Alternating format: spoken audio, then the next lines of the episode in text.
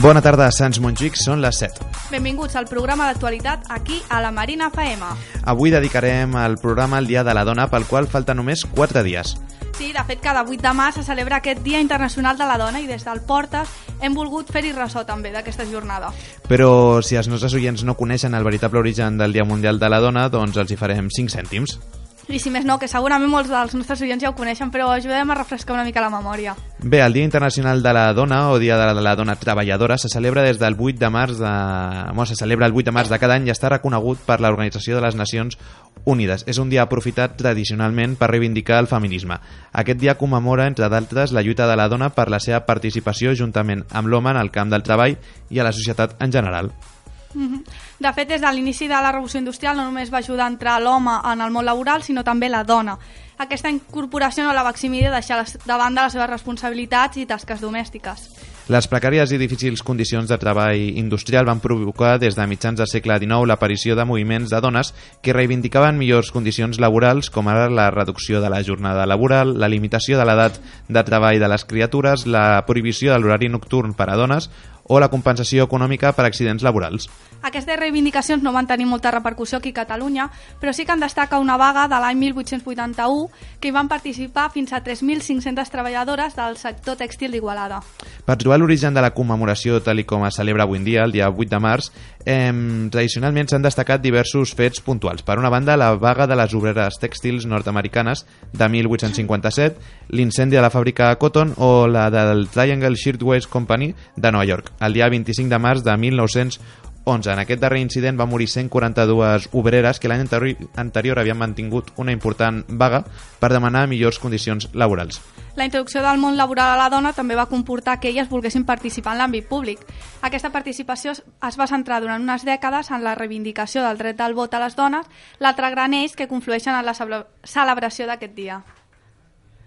Les primeres celebracions que coneixem del Dia de la Dona van ser per part d'aquestes socialistes nord-americanes el darrer diumenge de febrer de l'any 1908. A Europa, l'any 1910, en la segona Conferència Internacional de Dones Socialistes, Clara Zetkin proposà l'establiment del Dia Internacional de la Dona per tal de promoure aquest sufragi femení, a més de la pau i de la llibertat. Seguint aquesta iniciativa, l'any següent, més d'un milió de dones treballadores i nord-americanes van sortir al carrer. Les primeres ho van celebrar el 19 de març i les segones ho van continuar fent el darrer diumenge de febrer però amb l'esclat de la Primera Guerra Mundial quan la pau es va convertir en el leitmotiv de les celebracions internacionals del Dia de la Dona i el 8 de març, segons el nostre calendari, de 1917, les dones russes que feien també eh, que feia anys que també celebraven aquesta reivindicació, van sortir al carrer per demanar aliments i pel retorn dels combatents. Aquesta manifestació de dones russes va suposar l'inici del moviment que acabaria amb la dimissió del zar i la proclamació de la república. De fet, aquesta és, aquesta és una dada que sempre se'ns fa separar, que molt poca gent coneix. Bé, després de repassar aquest llarg periple que ens ha portat fins al dia d'avui, hem detectat diversos temes de l'actualitat en relació a la dona, no? De fet, tot i que la lluita per aconseguir la igualtat amb l'home en el món laboral encara és present, doncs, eh, com deien, és difícil perquè en els càrrecs i en algunes professions i en l'àmbit polític encara costa trobar una gran presència de dones. El dilluns 2 de març, la Secretaria de la Dona i de Cohesió Social de Comissions Obreres de Catalunya va presentar en roda de premsa el document Situació de les dones a Catalunya 2015. En ell es torna a confirmar que són les dones les que estan patint uns índexs més alts de desocupació i atur de llarga durada i que pateixen un increment de la pobresa i exclusió social més elevat. En parlem amb Alba Garcia, secretària de Dona i Cohesió Social de Comissions Obreres de Catalunya. Bona tarda i benvinguda. Hola, bona tarda, gràcies, igualment. Actualment, quina és la situació de les dones pel que fa al món laboral?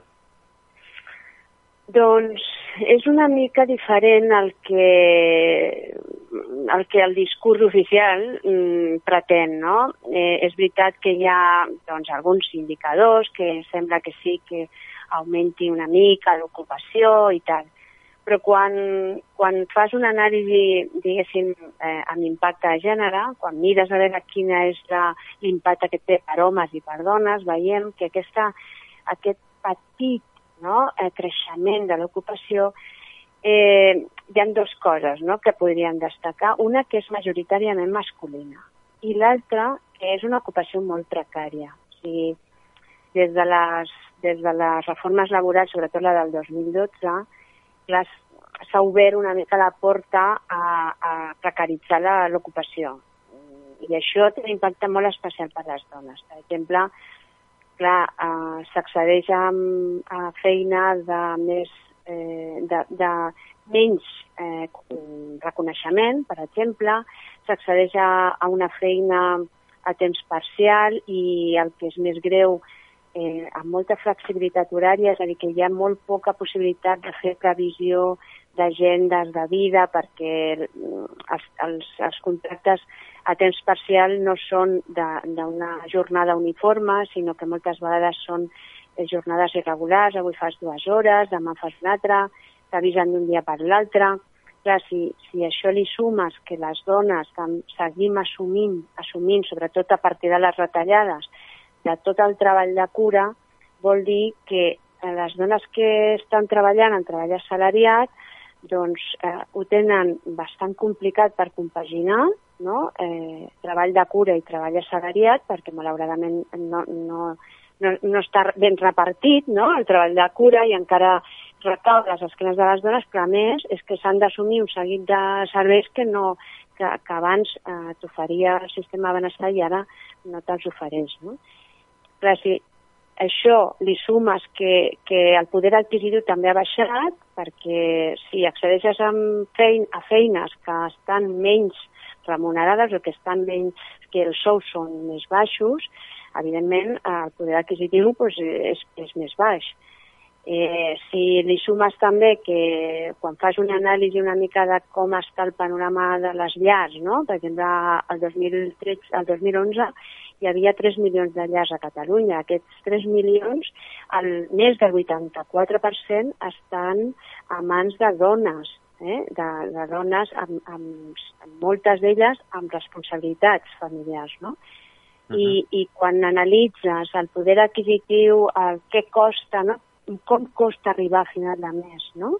D'aquestes llars, la majoria de les dones eh, tenen moltíssimes dificultats per als sous baixos d'arribar a final de mes. És a dir, que sí que hi ha una mica més d'ocupació, però quan mires amb ulls de gènere, aquesta ocupació no, no ens està solucionant massa la vida, no? Al revés, ens l'està complicant, perquè avui dia treballar o tenir un sou no és garantia de no caure en, en l'exclusió social o la pobresa. Consideren que la crisi econòmica ha provocat que es facin nous passos enrere en el poc que s'havia avançat en mesures per millorar la, la convalidació de la vida laboral i familiar? Mm. Clar, ens trobem amb la paradoxa que durant tot el segle XX, al nostre país, bueno, a tot el segle XX no, rectifico, o sigui, a l'última part del segle XX, que en el nostre país coincideix amb l'era democràtica, eh, s'han impulsat polítiques, no? S'han impulsat lleis i s'han eh, i, i, i fet passos, no?, per poder facilitar una mica més arribar a, a una igualtat. Evidentment que arribar a una igualtat en tots els àmbits passa també per repartir l'àmbit o els treballs de cura, no? tant de criatures com de gent gran com de gent malalta. Què ha passat en el segle XXI? Doncs que el, la, primera, la primera dècada del segle XXI no ha estat suficient abans de la crisi de consolidar eh, tots aquests avenços, no? Inclús pensem no, que eh, una de les lleis que ha superat, diguéssim, no, la llei de conciliació, que és la llei d'igualtat, la llei que és del 2007, clar, és una llei molt potent, que està molt bé, mm, que, que, que neix no, en aquesta primera dècada, però que mm, malauradament la seva aplicació ha, ha, ha estat interferida per la crisi. Dic interferida perquè la crisi no hauria d'haver afectat el, el desenvolupament d'aquesta llei, perquè quan hi ha crisi has d'abocar més esforços per evitar desigualtats, i la desigualtat de gènere és una realitat. Per tant, totes aquelles mesures de la llei d'igualtat que afavoreixen la conciliació doncs estan eh, arrencant amb moltes dificultats. I n'hi ha una que és, per exemple, el tema dels permisos de paternitat, que no hi ha manera. O sigui, els diferents governs de l'Estat l'últim de Zapatero i el, el primer de, de bueno, el, el que tenim ara amb en Rajoy, eh, no han estat capaços, tot i que està aprovat, de dotar una partida pressupostària per poder eh, per poder dotar això, no? perquè la gent pugui, els, els homes puguin agafar permisos de paternitat, per exemple. Clar, vol dir que sí, que tenim lleis i que anem avançant poquet a poquet. Des, del, des dels sindicats, sobretot nosaltres, el que jo conec, a veure, anem avançant. O sigui, es negocien moltes més mesures, no? d'un 30 i pico per cent de convenis que tenien mesures de conciliació, ara tenim uns, uns 60 i pico. No? O sigui, anem avançant, però eh, la crisi ha interferit eh, jo crec que com una molt bona excusa per no anar endavant, sinó per anar enrere. Uh -huh. Creu que la crisi econòmica ha destruït més llocs de treball dels sectors que més ocupaven a les dones? Sí, sí, sí, és evident, perquè les dones... Eh, eh, es, eh, hi ha un sector que és el sector públic, no?, que ha sigut un sector que eh, històricament ha estat mm, ocupat mm, molt per dones, és a dir, l'àmbit, no sé, de la salut, per exemple, el sistema sanitari, el sistema, el sistema educatiu... O sigui, hi ha un seguit d'espais no, de, del sector públic que històricament han estat per dos motius, perquè moltes vegades són, són àmbits mm, que tenen a veure no, amb, amb, amb feines molt feminitzades, no? molt de responsabilitat de les dones, i eh, per un altre motiu perquè l'accés en aquestes feines a, a través d'oposicions i tal doncs, ha, ha sigut un accés que ha favorit més la, la igualtat d'oportunitats no? tant per homes i per dones. Clar, són àmbits molt feminitzats. Què ha passat a, a, a partir de la crisi i de les retallades? Que el primer que ha repercutit ha sigut en el personal. La reducció de personal en, en l'àmbit públic ha afectat directament, és a dir, el treball indefinit eh, de la, de, de les, del sector públic, a, a, a, a la pèrdua d'ocupació en aquest sector ha repercutit directament en, en les dones treballadores, no? els, ERE, els, els EROs, etc., no? de tot el sector públic. Sí, sí. Quin perfil té la dona desocupada a Catalunya? A veure, la dona desocupada, què vols dir? Eh, la inactiva o la que està en atur? La que ha perdut la, el seu lloc de final els darrers anys de crisi. Vale. Doncs les dones eh, aturades, que eh, avui sortien les dades de l'atur i a l'últim aquest últim trimestre segueixen havent eh, més dones aturades que homes quan hi ha menys població activa. O sigui que fixa't tu, ja en termes generals hi ha moltíssimes dones aturades, però en definitiva aquestes dones aturades són molt de llarga durada, més d'un any d'atur i amb, amb molt baixes prestacions o zero. I pel que fa al perfil eh, personal, són dones mm, immigrants, són dones de quina franja d'edat? Aviam, les dones, hi ha dones joves, hi ha dones de totes les edats, el que passa és que hi ha, hi ha un fenomen. Les dones immigrants o les dones migrants, que la EPA recull com a població estrangera, eh, són dones que pateixen el doble de discriminació com a dones i també com a dones migrades. Eh? Tenen una taxa d'atur més gran més alta que les dones que l'EPA considera dones de nacionalitat espanyola. ¿vale? I mm, les, eh, les dones que, que tenen, o sigui, les dones que tenen dificultats per accedir a feines són tan joves com, eh, com de 30, 30 i pico anys. O sigui que la franja de 30 i pico anys i la franja de 40 en amunt són dones que a vegades ara, degut a la crisi, busquen la seva primera ocupació i també són dones a les quals eh, l'atur castiga bastant en aquestes franges d'edat. Mm. Quines especificitats té l'atur femení que no té el masculí?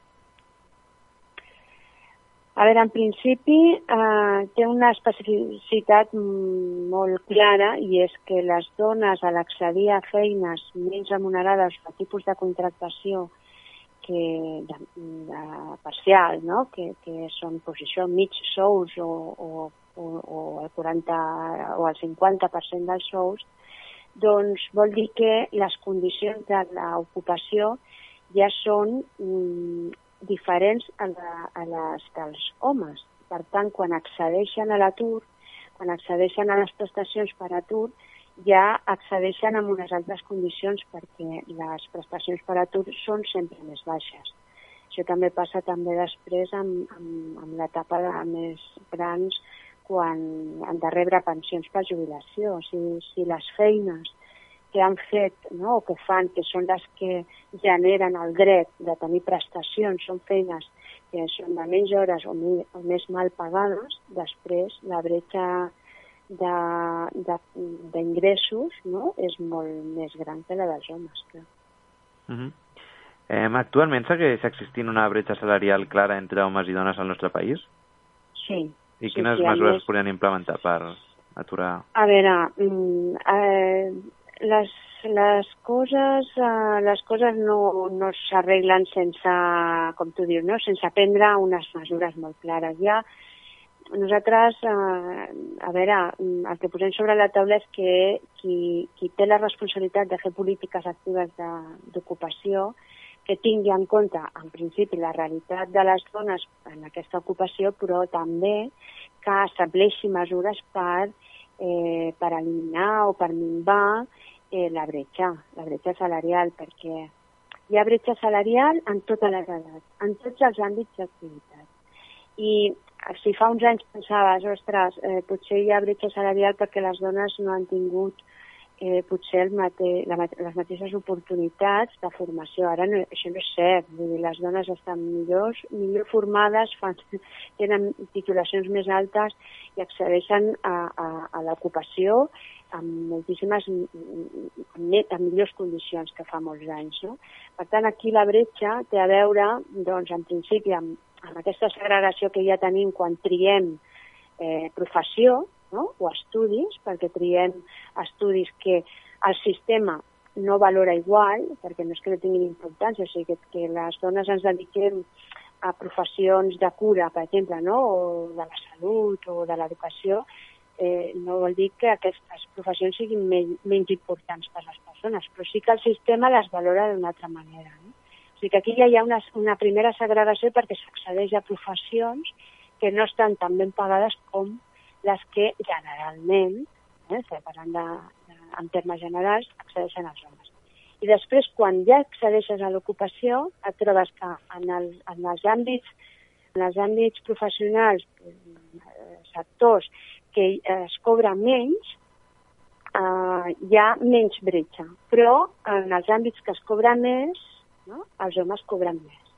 Després també hi ha un altre fenomen que és curiós, no? i és que a la vida laboral d'una dona eh, doncs, eh, vas fent una progressió no? i vas cobrant una miqueta més sempre fins que tens uns 30 i pico d'anys. No? En aquí, després de tenir criatures, ja no, ja no augmentes, eh, ja no progressa el teu sou, no?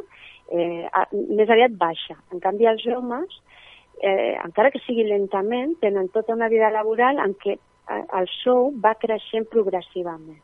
I la darrera bretxa que jo destacaria és a, a, a les professions o les categories en què bueno, les, les menys qualificades doncs les dones cobren eh, una miqueta, perquè són les professions o els àmbits menys qualificats hi ha molta més dona, però en el cas, o sigui, hi ha, hi ha bretxa però la bretxa és més petita. Ara, en les, en les, en les categories no? de més qualificació, eh, pot arribar la diferència a estar en 8.000 euros. Eh? I eh, podem estar cobrant en, en, en un any una mitja de salari brut de, de, de 8.000 euros menys. Uh -huh. Quines eines tenen les dones que se sentin discriminades al seu lloc laboral per denunciar la seva situació? Aviam, els drets eh, primer s'han de conèixer, s'ha de conèixer els drets, t'has d'informar, t'has d'assessorar, t'has de sindicar, perquè avui dia eh, molta, la manera de garantir no, els drets de les dones treballadores no té masses camins, vull dir, una persona a nivell individual no aconsegueix gairebé res eh? o sigui que és a nivell col·lectiu que, que es pot batallar, es pot lluitar. I, evidentment, les lleis. Tenim lleis que prohibeixen no? i que castiguen la discriminació, la discriminació salarial, la discriminació, és a dir, un coneixement de les lleis, ajut i, sobretot, la defensa col·lectiva de tots aquests drets. A què refereixen des de l'informe Situació de les dones a Catalunya quan parlen d'increment de la pobresa i exclusió social? Doncs a veure, ja des del començament de la crisi l'índex de pobresa està creixent per tota la població.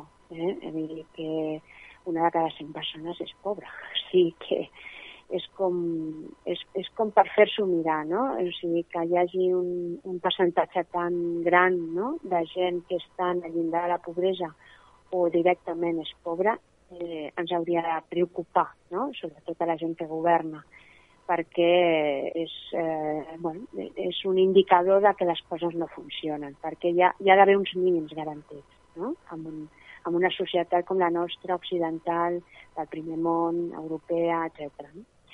Però dit això, clar, hi ha un impacte més gran també amb les dones, perquè és el que diem, si, si es, cobra, si es tenen menys ingressos, si es cobren menys a les feines, si es tenen prestacions més, més baixes, Eh, pensa que, per exemple, la, la pensió de jubilació hi ha com una diferència de, de 500, gairebé 500 euros de diferència de cobrar menys les dones que els homes no? de, de pensió de, de jubilació. És a dir, tot això fa que la precarietat, les, la, haver de compatibilitzar i tenir doble presència i estar atentes a totes les necessitats eh, veiem que hi ha dos tipus de pobresa. Pobresa econòmica, perquè és, eh, hi, ha més, eh, hi ha un impacte més, més incisiu no? en les dones que els homes, aquesta precarietat i aquesta manca de recursos, perquè a més les dones moltes vegades tenen al seu càrrec molta gent, bueno, molta tenen criatures, tenen gent malalta, tenen gent dependent, que, que, que elles han de, les arrosseguen no? com a motxilla i, i, i estan al seu càrrec. I a més a més que també hi ha un indicador de pobresa que jo diria que ja podem començar a valorar-lo com a tal, i és la manca de temps.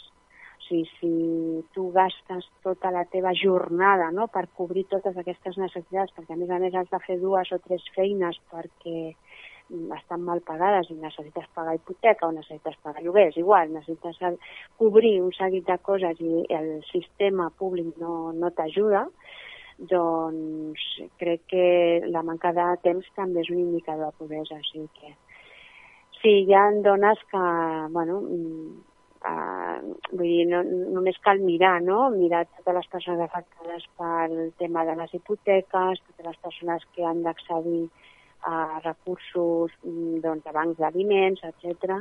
i només cal mirar. No? Sí que hi ha homes, però hi ha una incidència molt més gran en dones. En un context de precampanya electoral, de precampanya electoral com l'actual, què demanaria a les formacions que es presentin a les pròximes convocatòries pel que fa a dona i drets laborals i igualtat? Doncs que s'ho prenguin en sèrio, que s'ho prenguin seriosament sigui, tenen la clau d'almenys reconèixer aquesta situació, que no és el mateix per homes i per dones. Hi ha molta gent que està patint, homes i dones, però el que cal veure és que hi ha un impacte, no? un impacte que és de gènere, i això vol dir eh, incloure en els programes electorals mesures efectives per, per canviar això.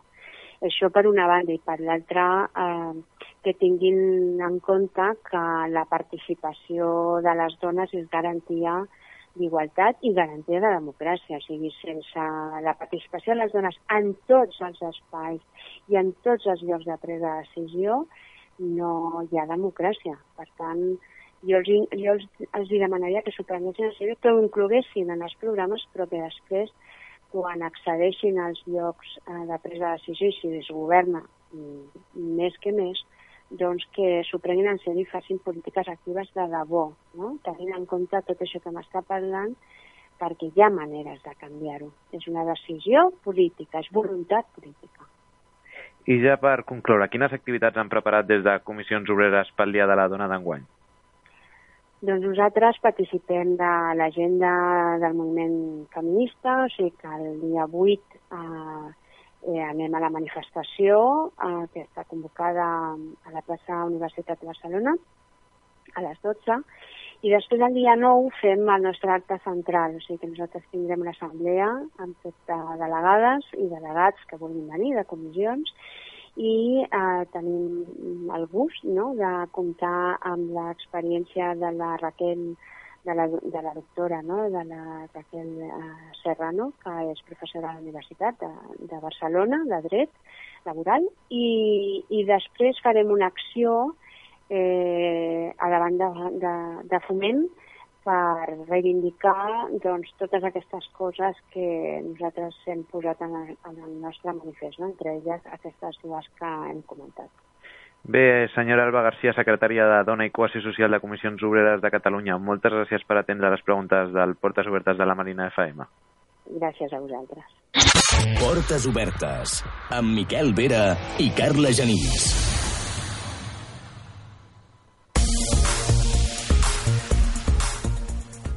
Bé, moltes gràcies, Miquel.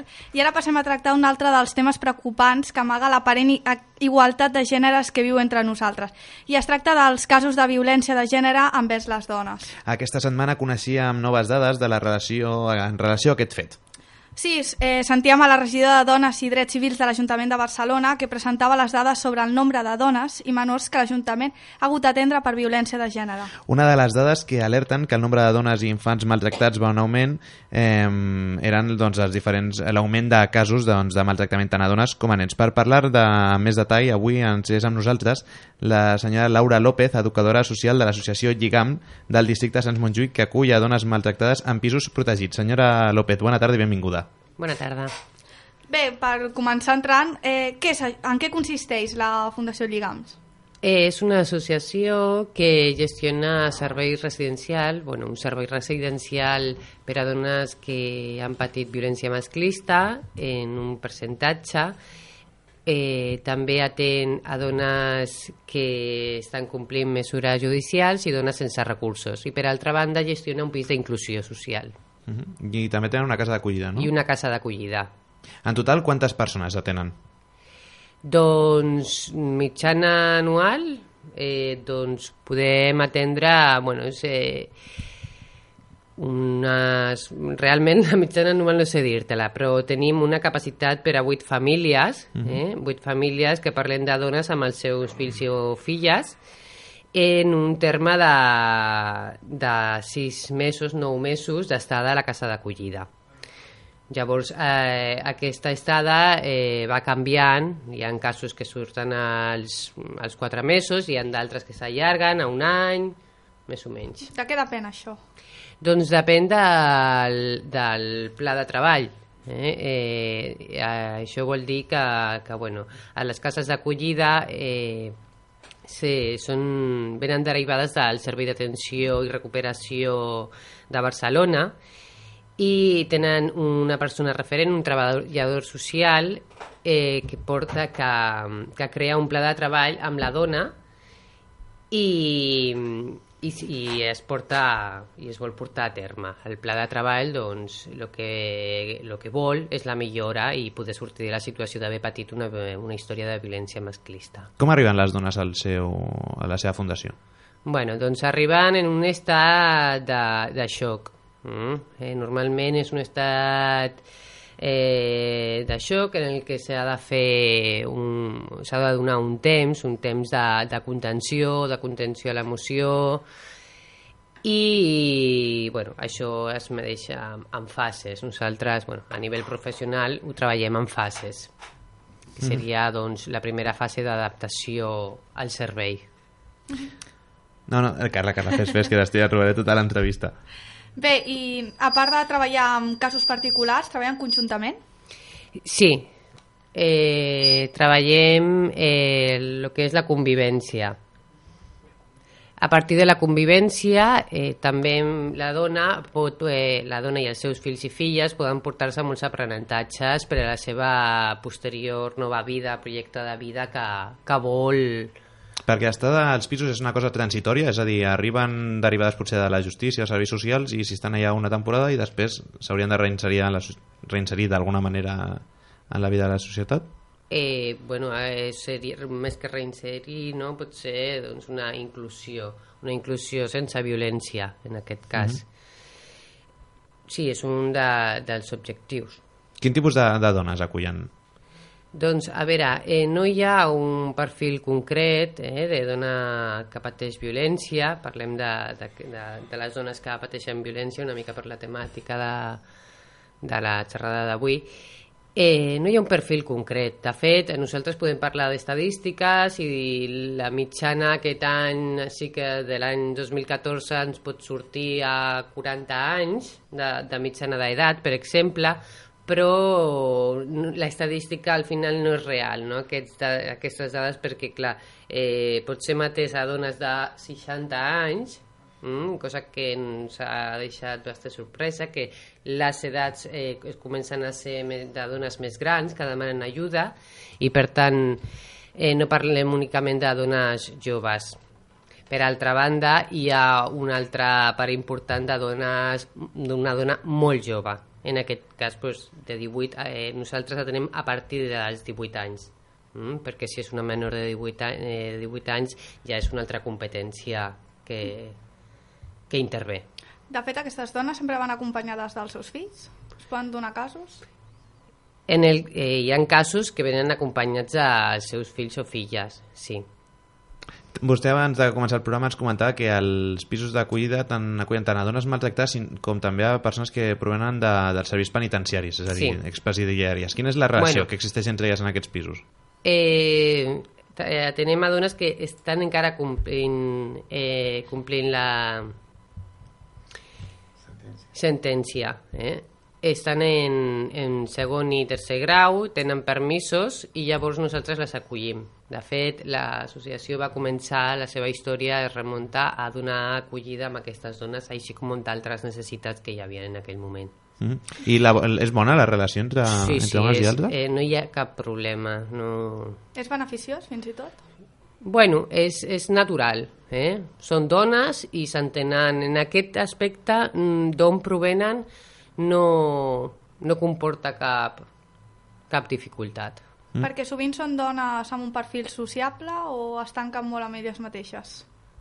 Mm, tampoc puc um, confirmar un, un perfil en, aquesta, en, en aquest aspecte. Hi ha dones que són extrovertides, hi ha... el que sí que hi ha és una falta de vegades de confiança, això sí, per exemple.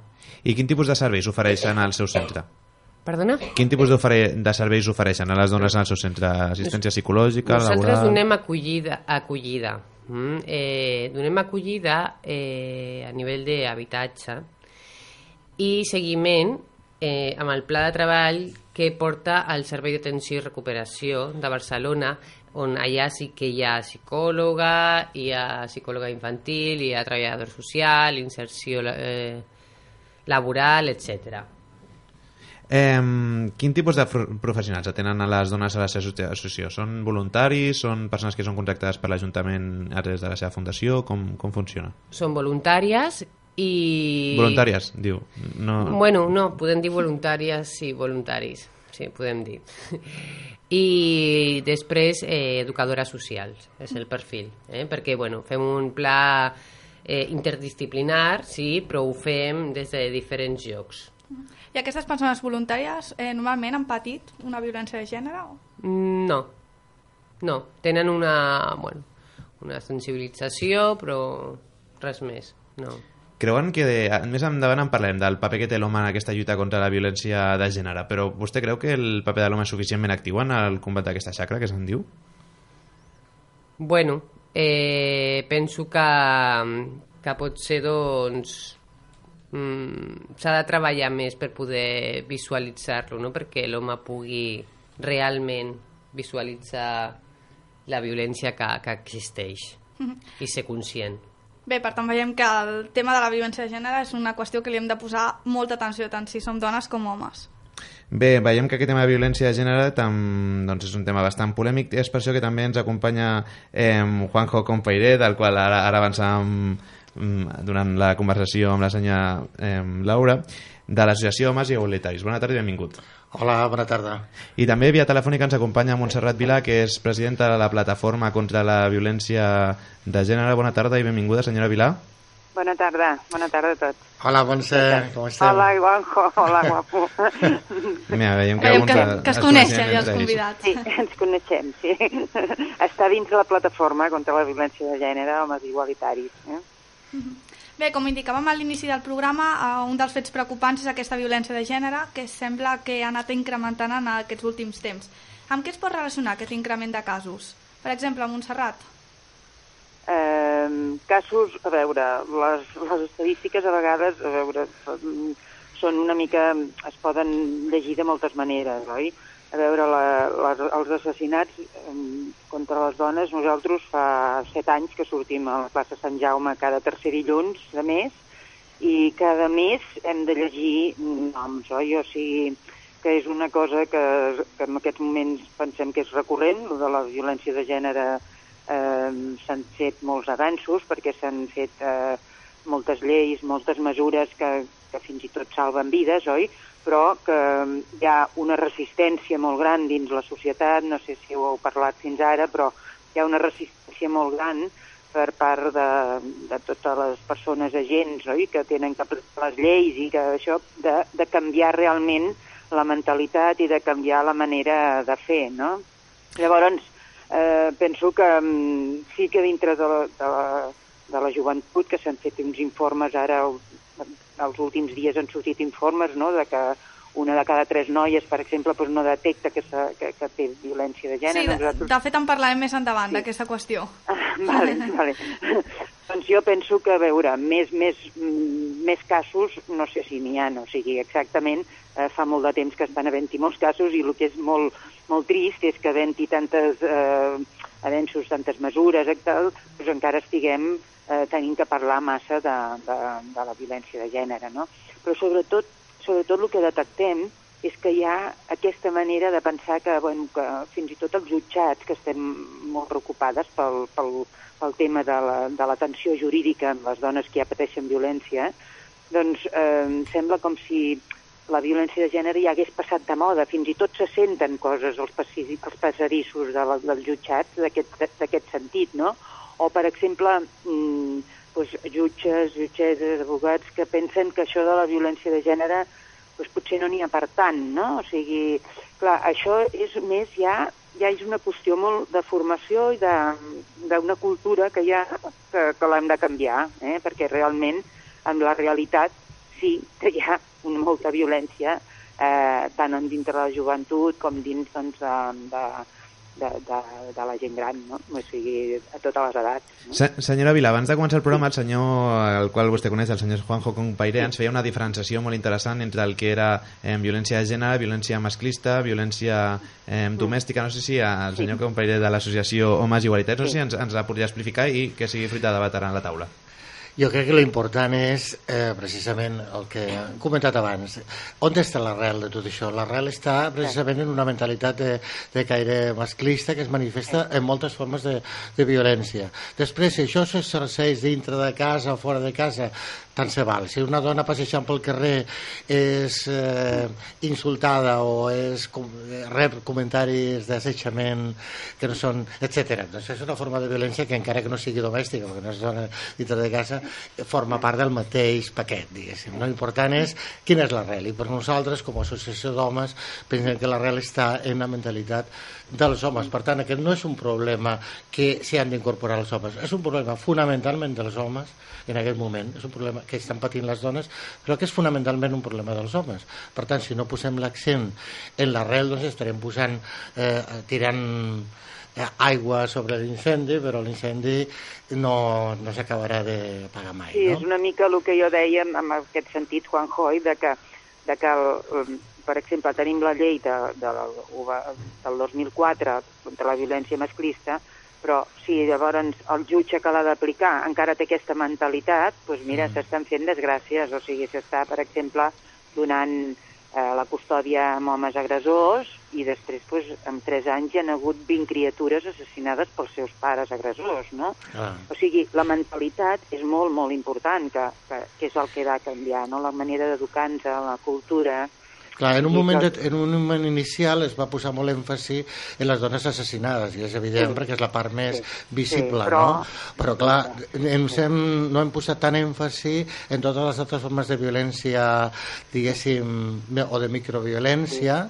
Sí. Eh, L'altre dia veiem, per exemple, com en un partit de futbol del Betis la gent cridava a favor d'un home que ha estat condemnat per maltratar la seva parella i milers de veus allà cantant a favor del Rubén Castro, i en fi, no? Eh, sí. Que és a dir, que altre, aquestes altres formes més subtils de, de violència que estan en la base no les hem potser eh, criticat tant, no n'hem posat tant l'èmfasi en, en elles, no? Sí, sí, aquests dies al metro, Juanjo, no sé si l'has vist, hi ha un anunci que diu d'Adidas, que diu te odiaran.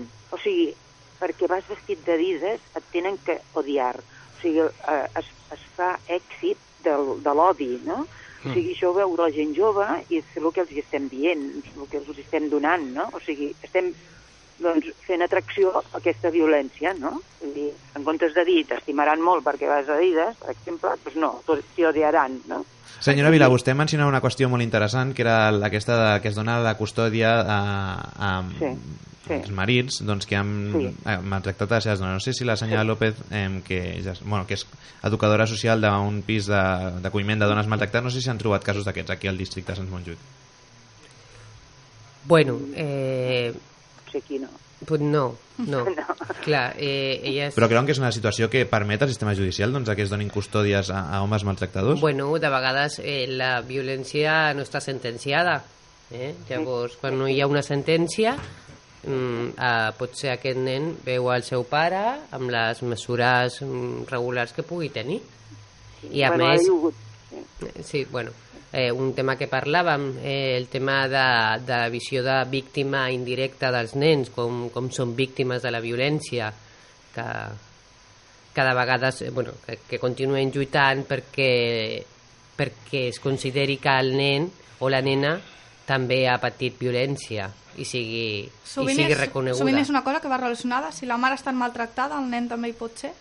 Sempre ho estarà perquè eh, d'alguna mesura o una altra ho està patint. Ha sigut testimoni o bé li han, li han maltractat directament. Perquè diguem que si és testimoni ja es considera una violència. Sí, Sí, sí, clar, i a més, a més mm, ara hi ha hagut un cas molt paradigmàtic que ha anat a Estrasburgo, no sé si el coneixeu, d'un- d'una senyora que es diu Àngela, que li van assassinar la seva filla i ara el, el Tribunal d'Estrasburgo ha donat la raó. O sigui, aquest, aquest va ser un cas d'aquí de, de l'estat espanyol, doncs de que la senyora va estar dient que no, que per sisplau que no, que no li donguessin el, la filla al, al marit que era maltractador i que era agressor i la va matar. O sigui, i ara se li ha donat la raó. O sigui, potser aquí a Sants Montjuïc no hi ha cap cas, oi? Perquè per sort, no? Perquè, perquè per sort, vull dir, no, no està tot arreu, això, perquè teòricament, teòricament, quan hi ha una sentència condinatòria, teòricament per llei no es pot donar la, la custòdia amb el pare. Mm? I, i, i, I això està per llei. Però és el que estem dient, que a l'aplicar les lleis pues, s'interpreten de la manera que han estat educats i que aquesta mentalitat masclista que deia el Juanjo, no? Mhm. Perquè, de fet, quan parlem de violència de gènere sempre s'associa més al maltractament físic, però es pot considerar altres factors que es considerin aquesta violència de gènere també? Per exemple, Juanjo? Eh, S'entén per violència qualsevol menysteniment, això és la definició que dona la ONU de violència, eh? no és la que m'invento jo ara. El menysteniment, el, la violència moltes vegades eh, de tipus psicològic fa més mal que la violència física. La violència física és molt visible, però normalment va associada, va precedida molt sovint per una violència psicològica, un menysteniment, on no un anar socavant la moral de, de l'altra persona. No? Per tant, no, jo no posaria una barrera entre, una, entre un tipus de violència i l'altre. Totes venen de la mateixa font. Per tant, hem de, hem de, hem de veure d'on ve tot això. Una necessitat d'alguns homes, no diguem que tots ni molt menys, però alguns homes de utilitzar la, seva, la diferència sexual, el, el fet de ser home, tenir no sé què entre el mig de les cames, de considerar-se superior, superar les seves inseguretats a base de posar-se sobre l'autoestima de, de la seva companya, a la persona a la qual diuen que, que estan estimant. Això em sembla que, que hem de, hem de, d'atacar per aquí, diguéssim, canviar la mentalitat dels homes, la, la mentalitat masclista, mentalitat que algunes dones també comparteixen, perquè clar, Ah, estem, ah, en una, clar. estem en, una, en un món en el que ja les barreres no són les que, les que eren abans, no? però bueno, fonamentalment és una mentalitat d'alguns homes que senten necessit necessitat de- d'exercir la violència per sentir-se alguna cosa. No? En definitiva, això ve d'una por d'inseguretat, de, de una por a la llibertat femenina, que tenen alguns homes, Sí. perquè és evident que, que, que hi ha hagut un gran avanç de les dones en la seva llibertat, eh, actuen amb molta més decisió, saben què volen en la vida, ja, clar, tenen molt més clar, no? I això a alguns homes no, no els sembla bé, no els agrada, no, no se senten segurs, se senten com insegurs, no? I de la manera que això ho, ho, ho manifesten és a partir de la violència, que és l'única cosa que els hi han ensenyat, no? Tu ets home perquè ets violent, perquè et pegues amb els teus companys, etc. no? I és més home quan més pegues, no? I per tant, com que és l'única manera que saben de fer-ho, doncs ho fan d'aquesta manera. Això ho hem de desmuntar, perquè si no és, un, és una bomba que tenim allà. Jo, si et sembla, Juanjo, Senyor Vilà i senyor, i senyor López. Afegiria que, era, que, que és que, a més a més, o sigui, hi ha una violència, aquesta violència masclista ve d'una violència estructural que hi ha a la societat, que ja hi ha unes, unes diferències molt grans. Ara que estem al redador del 8 de març, veieu que hi ha una, una discriminació molt gran en, el, en, el, en els salaris, hi ha una discriminació molt gran en els, els, els oficis que són feminitzats, o sigui, a la, a la societat estan manada pels homes, no? O sigui que Sí. tot això també influeix Sí, sí. en el moment, di, diríem, de, de que dels homes eh, es veuen amb cor de fer un domini, un exercir aquest domini doncs, sobre les dones, no? Perquè, la Montserrat, violència- Sí, diríem que estem eh, fent un pas enrere en aquest aspecte? en aquest aspecte, jo penso que ara, el, amb el que estem fent un pas enrere, que jo, a veure, personalment penso que no n'hi ha de, de pas enrere, en el sentit de que no hi ha manera de que ens tirin enrere les dones, valen? però sí que estem en un moment, no?, amb els avanços de, que hi ha hagut aquests últims anys, en un moment en què les polítiques públiques i, el, i les ideologies imperants no, pues estan volent retrocedir. No? Però jo penso que en el moviment de dones dins de la plataforma, per exemple, estem lluitant molt perquè això pues, no passi, no? I per tant, eh, això sí que no hi ha marxa enrere, m'entens? Perquè el moviment i la societat, no? Ara mateix, fixeu per exemple, aquesta actriu, no?, que podríem dir, ostres, el glamour de Hollywood i tal, que va ser capaç de, amb, l'entrega dels Oscars, doncs, mm, al·legar per la, els drets de les dones. Entén-me? O sigui, hi ha, hi ha un, un... Jo penso que la societat s'ha s'ha imposat, estem parlant avui per la ràdio això i fa uns anys no, no n'estaríem parlant, o sigui, eh, s'ha tirat endavant les dones eh, per poder eh, sortir-se'n d'això. O sigui, en aquest sentit soc, soc optimista, en aquest sentit. Senyora Vila, vostè ha mencionat doncs, que hi havia hagut potser una relaxació en respecte a la lluita contra la violència de gènere o, o la lluita per la igualtat des de les administracions públiques o des del govern, que potser era un tema doncs, que abans havia estat de moda i que ara potser doncs, sí, sí que hi ha hagut un relaxament. No sé si la senyora López, que sí que tracta en l'administració, que ens ha comentat abans que és l'Ajuntament qui finança per la seva fundació, s'ha trobat doncs, des que des del govern, les administracions públiques, ha deixat de ser una prioritat, que potser a nivell legislatiu ja s'ha regulat molt i no s'està lluitant doncs, perquè aquesta regulació finalment toqui el carrer i penetri en la societat, que per això es poden tardar dècades i dècades. Senyora López. Vale. Eh, després li dono vostè pas, senyora Vila. Eh, doncs, Bueno, sí, bueno, jo total... penso que a nivell d'Ajuntament... un segon, un segon, senyora Vila. Sí, no, sí, només, només un apunt, només que jo ho dic a nivell general, però a nivell de l'Ajuntament precisament mm, no ha estat exint, eh? sinó que és que és, és tots els recursos, o sigui, per exemple, l'Ajuntament eh, també es passa als serveis socials, que allà s'ha retallat moltíssim les coses, i tot influeix amb, amb les dones que tenem, no? Mhm. o l'habitatge, no? Bueno, no sé ella què pensarà, però bueno, ho Senyor- dic en aquest sentit. Jo. Senyora López. Correcte, no? És correcte que no, que no parlem únicament de l'Ajuntament, sinó és una qüestió de, de diferents. Eh? Sí. Llavors, eh, i sí que ho hem pogut, eh, ho, podem, ho podem veure. Vostès han patit retallades en el seu pressupost, o ja que prové de l'Ajuntament, l'Ajuntament no, no ha realitzat aquesta retallada? En el nostre cas, no. Eh? Però sí que en conec d'altres recursos, d'altres projectes que, que bueno, comentaven que van començar i que ja no es porten a terme. Això sí. Caldria, Senyor- veu, caldria veure de quina manera les retallades en, en la servei de dependència, Clar, en, la, clar. en, en la, les, en les retallades en el subsidi d'atur estan afectant de manera molt diferenciada les dones, està claríssim, no?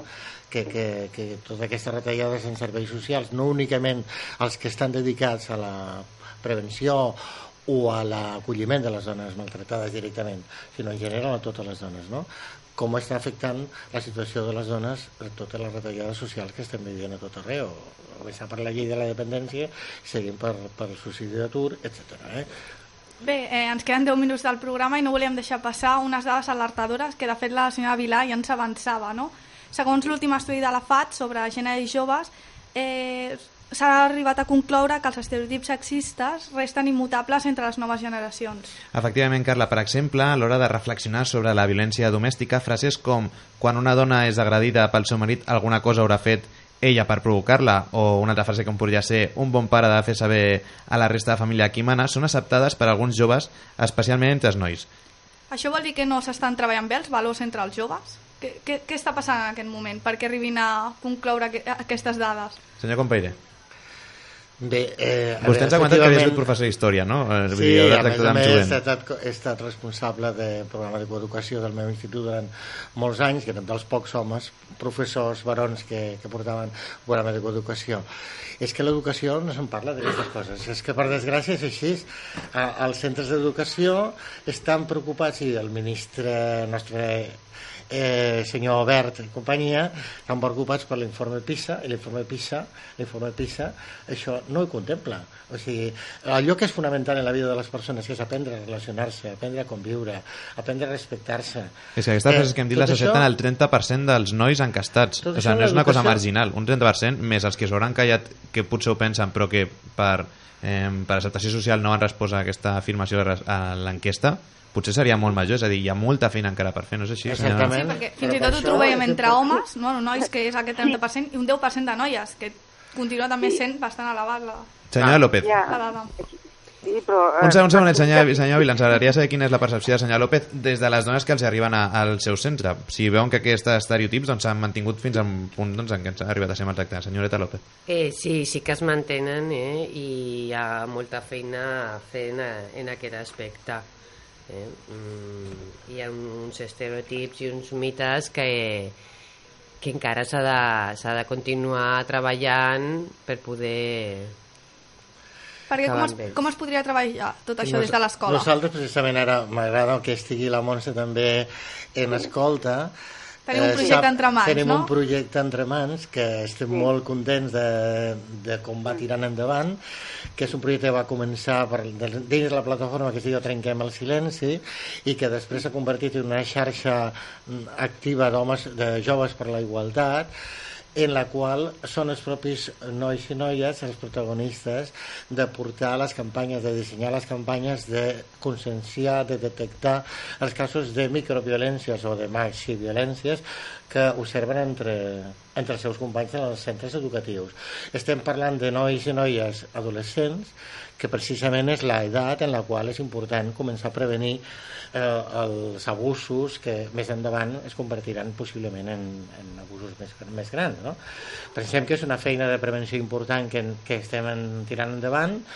Eh, tenim una sèrie de centres con, con, en les quals tenim nois i noies contactades amb molt entusiasme, amb moltes ganes de treballar plegats i plegades i, i, i bueno, confiem molt en, en la feina que elles i ells estan tirant endavant.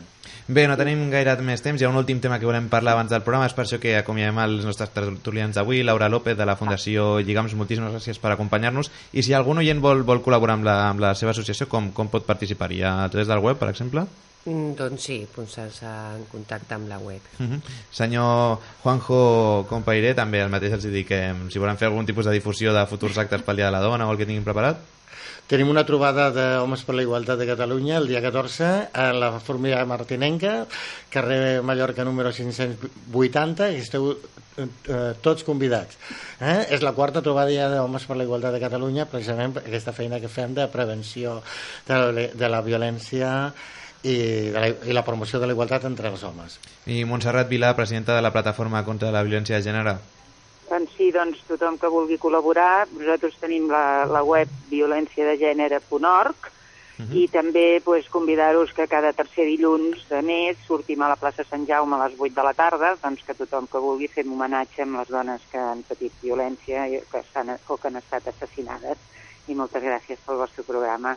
Bé, fem ara res, una breu pausa de publicitat i continuem parlant sobre la igualtat de gènere i els joves.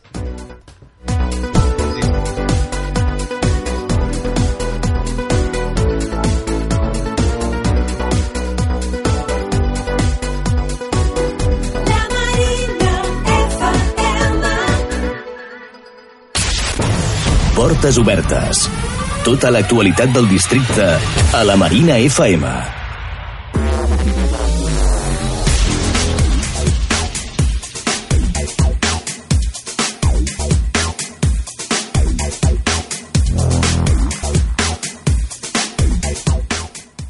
Bé, els nostres oients estan de sort, no hi ha publicitat, li deixem el contingut comercial als companys dels següents programes d'aquí de l'emissora de la Marina FM quan falten 4 minutets per les 8 de la tarda. Bé, ara parlarem amb una de les associacions que treballa per la igualtat de gènere també, però en aquest cas amb els joves. Es tracta d'ESPLAC, eh, dintre d'aquesta associació eh, hi ha una comissió de gèneres. En concret parlarem amb el Víctor Malràs, que és el membre de la comissió de gèneres d'ESPLAC i també monitor de l'esplai al Drac Màgic. Bé, abans de, abans de que tinguem el Víctor, que ens comenten que ja el tenim a l'antena. Sí, bona tarda, Víctor. Bona tarda. Hola, bona tarda. Bé, no sé si ens pots explicar una mica la tasca que es fa dintre d'ESPLAC eh, a favor de la igualtat de gènere. Sí, mira, nosaltres som la comissió de gènere i llavors el que fem uh, bàsicament és intentar uh, generar discurs dintre l'entitat, uh, dotar recursos a les esplais i a les monitores i monitors perquè tinguin pan, consciència no, de la perspectiva de gènere i de la igualtat de gènere que és necessària per transmetre als infants que venen als nostres esplais. Perquè dins dels esplais, com es treballa aquest valor amb els, Ah. amb els infants? Però... Sí, amb els infants a, a l'esplai es fa una tasca preventiva, és diguéssim que int intentem uh, transmetre uh, els valors de la igualtat de gènere, uh, intentem que les, que les relacions no siguin, siguin, no siguin abusives, no? Uh, a través uh, de dinàmiques, no? Per exemple, uh, podem fer un role-playing, o per exemple... En què consisteix això? uh, doncs ficant, uh, descriure una situació, un context, no? i que els infants, bueno, el, els joves, uh, intentin reproduir-lo uh, i se n'adonguin, no? sentin de viva, viva pell no? el, el, que, el que els està passant, aquesta relació abusiva que potser estem reproduint, doncs que el, el sentin en la seva pròpia pell, per exemple. I amb el treball que es fa amb els monitors, perquè de fet acostumen a tenir un perfil jove. Sí, el treball amb els monitors és bàsicament eh, tenir present de que moltes vegades reproduïm certa, certs estigmes no? o certes conductes que no, que no afavoreixen a la igualtat de gènere i llavors que aquests, moni aquests monitors i monitores són referents, no? han de ser referents positius cap als infants. Llavors hem tenir molt conscient, molta consciència de que moltes de les coses que duguin a terme doncs, poden ser reproduïdes. Mhm. Abans en el debat que exposàvem aquí al programa eh, comentàvem que havien augmentat eh, els estereotips sexistes especialment entre els adolescents i els joves. Què n'opines al respecte? Us heu trobat mm, aquests estereotips a, a l'hora de treballar en el grup? Sí, tenim constància de que, de que molts instituts es, es dona això i que, i bueno, a vegades podem trobar-nos en, en, en frases que mm, ens han impactat no, personalment i bàsicament el que, el que fem no, no és, mm, no és assenyalar, assenyalar amb el dit què has fet no, o què dius, o, sinó que mm, intentem no, pre- preparar alguna cosa per fer, per fer aflorar no, la, una consciència col·lectiva de que allò pues, in, bueno, doncs, eh, està en les nostres mans canviar-ho. No? O sigui que la, que la cosa no és assenyalar no, i acusar algú, sinó intentar de, de donar, de donar consciència, no, de, de prevenir i això traslladar-ho al grup. Bé, ens diuen que ja no tenim més temps, així que moltes gràcies, Víctor, per haver-nos Vale. acompanyat. Gràcies a vosaltres. I també donem gràcies a tots els nostres oients que ens han seguit avui al Portes Obertes de la Marina FM al 102.5 i a tots aquells que han fet possible el programa d'avui, els nostres convidats i al Marc Clapés, a les vies de so. Bé, els esperem a tots la setmana vinent per continuar tractant l'actualitat del districte. Ara els deixem amb l'informatiu d'Anna Rabassó i amb Més allà de la vida.